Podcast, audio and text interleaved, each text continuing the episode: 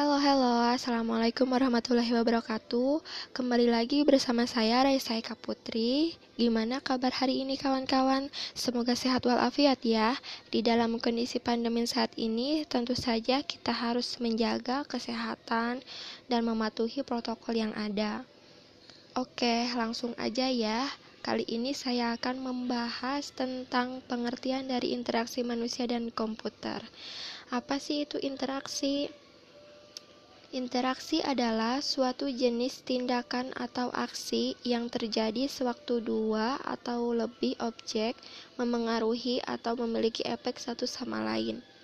Sedangkan interaksi manusia dengan komputer adalah sebuah hubungan yang mempunyai karakteristik tertentu untuk mencapai suatu tujuan tertentu dengan menjalankan sebuah sistem yang bertopengkan sebuah antarmuka atau yang disebut tatap muka yang meliputi perancangan, evaluasi, serta implementasi agar mudah digunakan oleh manusia. Juga ini merupakan stat, suatu studi ilmiah tentang masyarakat di dalam lingkungan kerjanya.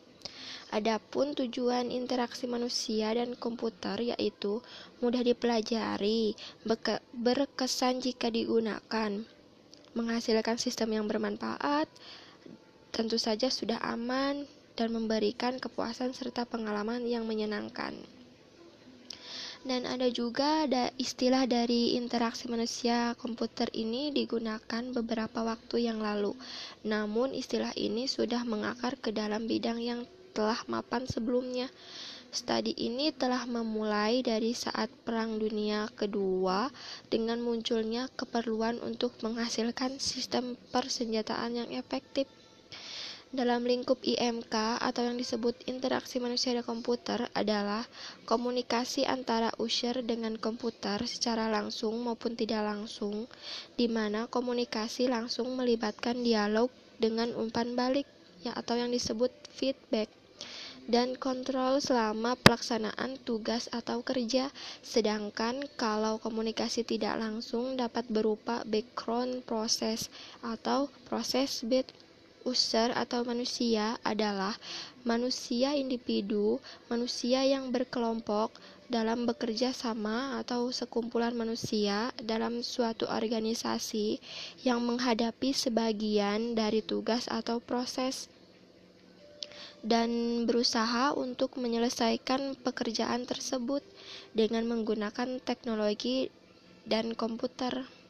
Komputer adalah teknologi dari desktop sampai komput sampai sistem komputer besar, sistem pengontrolan proses yang dapat mencakup komponen non-komputer termasuk orang. Kenapa sih kita harus perlu mempelajari IMK atau yang disebut interaksi manusia dan komputer karena IMK adalah suatu ilmu yang mempelajari mengenai suatu interaksi atau hubungan yang bersifat tatap muka antara manusia dan komputer. Tujuan dari adanya IMK ini adalah supaya pekerjaan yang berhubungan dengan teknologi komputer dapat diselesaikan dengan baik secara cepat dan juga menghemat waktu untuk mengerjakan pekerjaan yang rumit. Misalnya, pekerjaan hitungan seperti laporan keuangan dan lain-lain.